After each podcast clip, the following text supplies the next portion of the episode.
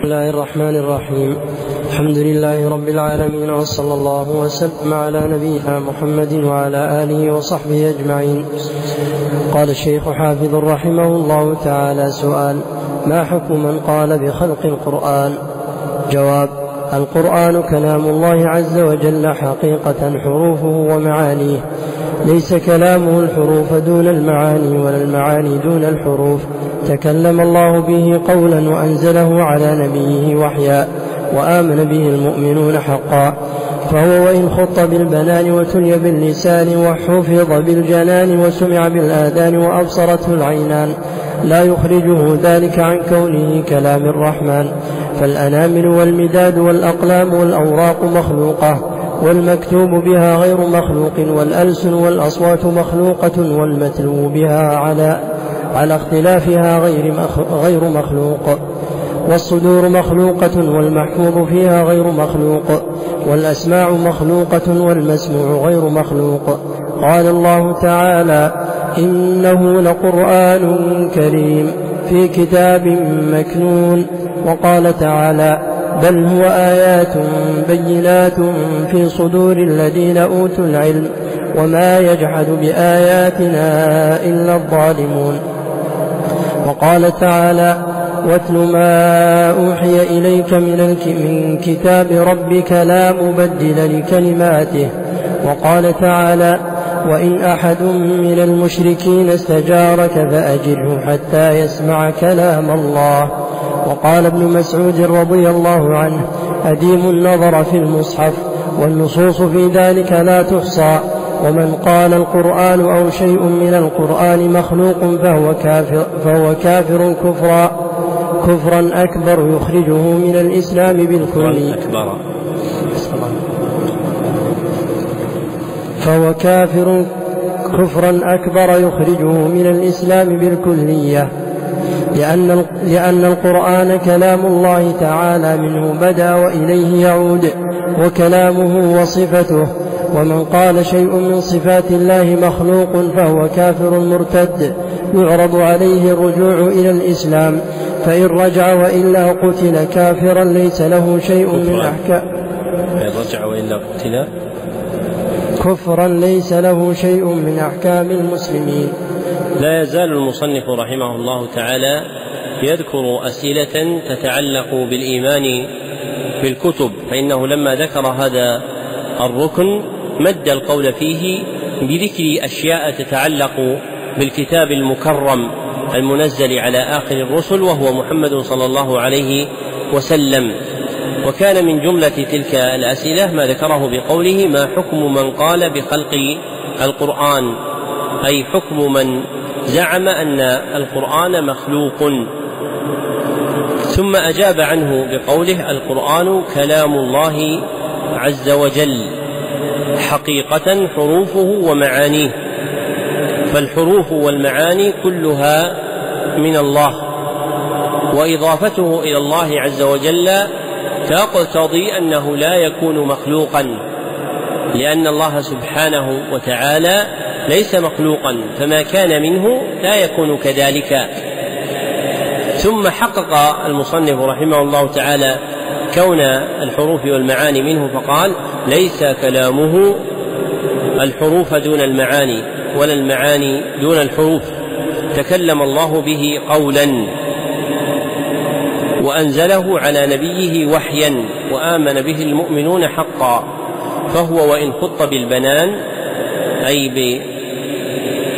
بالاصابع والمراد به كتابة القلم وتلي باللسان وحفظ بالجنان أي القلب وسمع بالآذان وأبصرته العينان لا يخرجه ذلك عن كونه كلام الرحمن. فالأنامل والمداد والأقلام والأوراق مخلوقة والمكتوب بها غير مخلوق والألسن والأصوات مخلوقة. والمتلو بها على اختلافها غير مخلوق والصدور مخلوقة والمحفوظ فيها غير مخلوق والأسماع مخلوقة والمسموع غير مخلوق. ثم أورد آيات في ذلك تدل على تحقيق أن القرآن كلام الله غير مخلوق فقال قال الله تعالى إنه لقرآن كريم في كتاب مكنون أي في كتاب محفوظ وهذا الكتاب المحفوظ هو عند الله سبحانه وتعالى. وقال تعالى بل هو آيات بينات في صدور الذين أوتوا العلم وما يجحد بآياتنا إلا الظالمون. فإن الله عز وجل أضاف الآيات إلى نفسه فقال وما يجحد بآياتنا. فدل أن وجدانها في صدور الذين أوتوا العلم من الحفظة العاملين بها أن ذلك وجدان مناسب لحالهم من كونه محفوظا في صدورهم. فالصدور مخلوقة لكن المحفوظ فيها وهو كلام الله من القرآن غير مخلوق. وفي الآية الثالثة قول الله سبحانه وتعالى من كتاب ربك فأضافه إلى نفسه وما كان منه فلا يكون مخلوقا. وفي الآية الرابعة قال الله تعالى وإن أحد من المشركين استجارك فأجره حتى يسمع كلام الله. وهذه الآية مصرحة بأن القرآن هو كلام الله سبحانه وتعالى. لا يتردد في ذلك مؤمن مصدق بالرب عز وجل.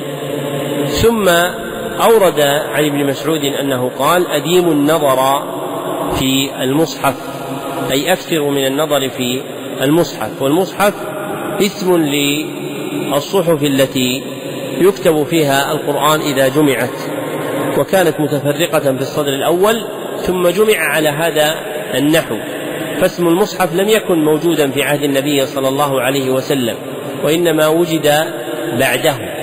ومن هنا استدل الذهبي رحمه الله تعالى في مواضع من ميزان الاعتدال على نكارة الأحاديث التي ورد فيها لفظ المصحف بأن المصحف لم يكن موجودا بهذا الاسم في زمن النبي صلى الله عليه وسلم وإنما وجد في زمن الصحابة.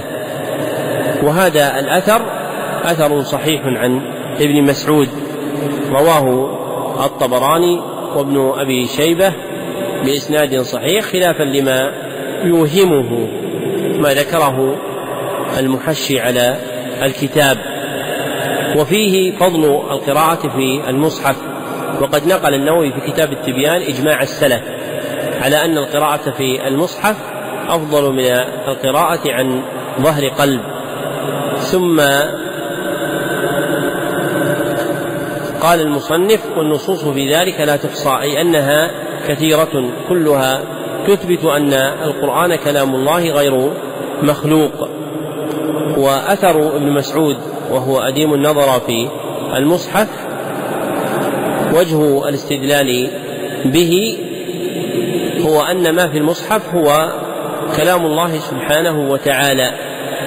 فالصحف التي كتب فيها المصحف مخلوقة لكن المكتوب فيها وهو القرآن غير مخلوق. ثم لما حقق المصنف أن القرآن كلام الله غير مخلوق قال ومن قال القرآن أو شيء من القرآن مخلوق فهو كافر كفرا أكبر يخرجه من الإسلام بالكلية. والكفر الأكبر كما سبق هو ستر أصل الإيمان. كما أن الكفر الأصغر هو ستر كمال الإيمان.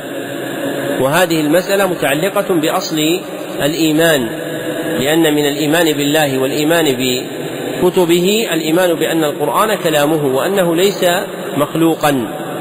فمن خالف في ذلك فهو كافر كفرا أكبر يخرجه من الإسلام بالكلية.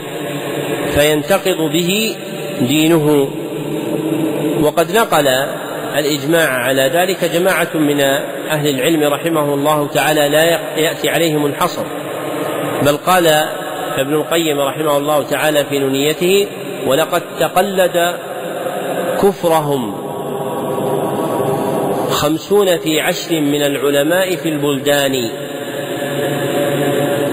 واللالكائي الإمام حكاه عنهم بل حكاه قبله الطبراني فاللالكائي والطبراني في كتاب السنة ذكر عن خمسمائة من علماء المسلمين أن من قال إن القرآن مخلوق أنه كافر خارج من الملة ثم بين وجه ذلك بقوله لأن القرآن كلام الله منه بدأ أي صدر منه وتكلم به حقيقة وإليه يعود أي برفعه من الصدور والسطور في أصح أقوال أهل العلم قبل يوم القيامة.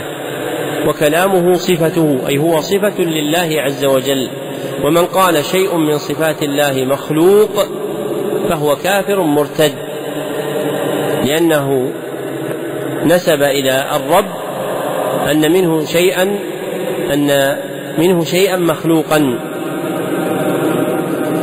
فيرتد بذلك ويعرض عليه الرجوع إلى الإسلام. فإن رجع ونزع عن قوله وإلا قتل كفرا. ليس له شيء من أحكام المسلمين لأنه كافر مرتد. وإنما عظم هذا الأمر من جهة الحكم عليه بالردة لأنه تعلق بشيء يرجع إلى أصل الإيمان فعظم حكمه وحكم بكفره وردته. وهذا آخر تقرير على هذا الكتاب وبالله التوفيق.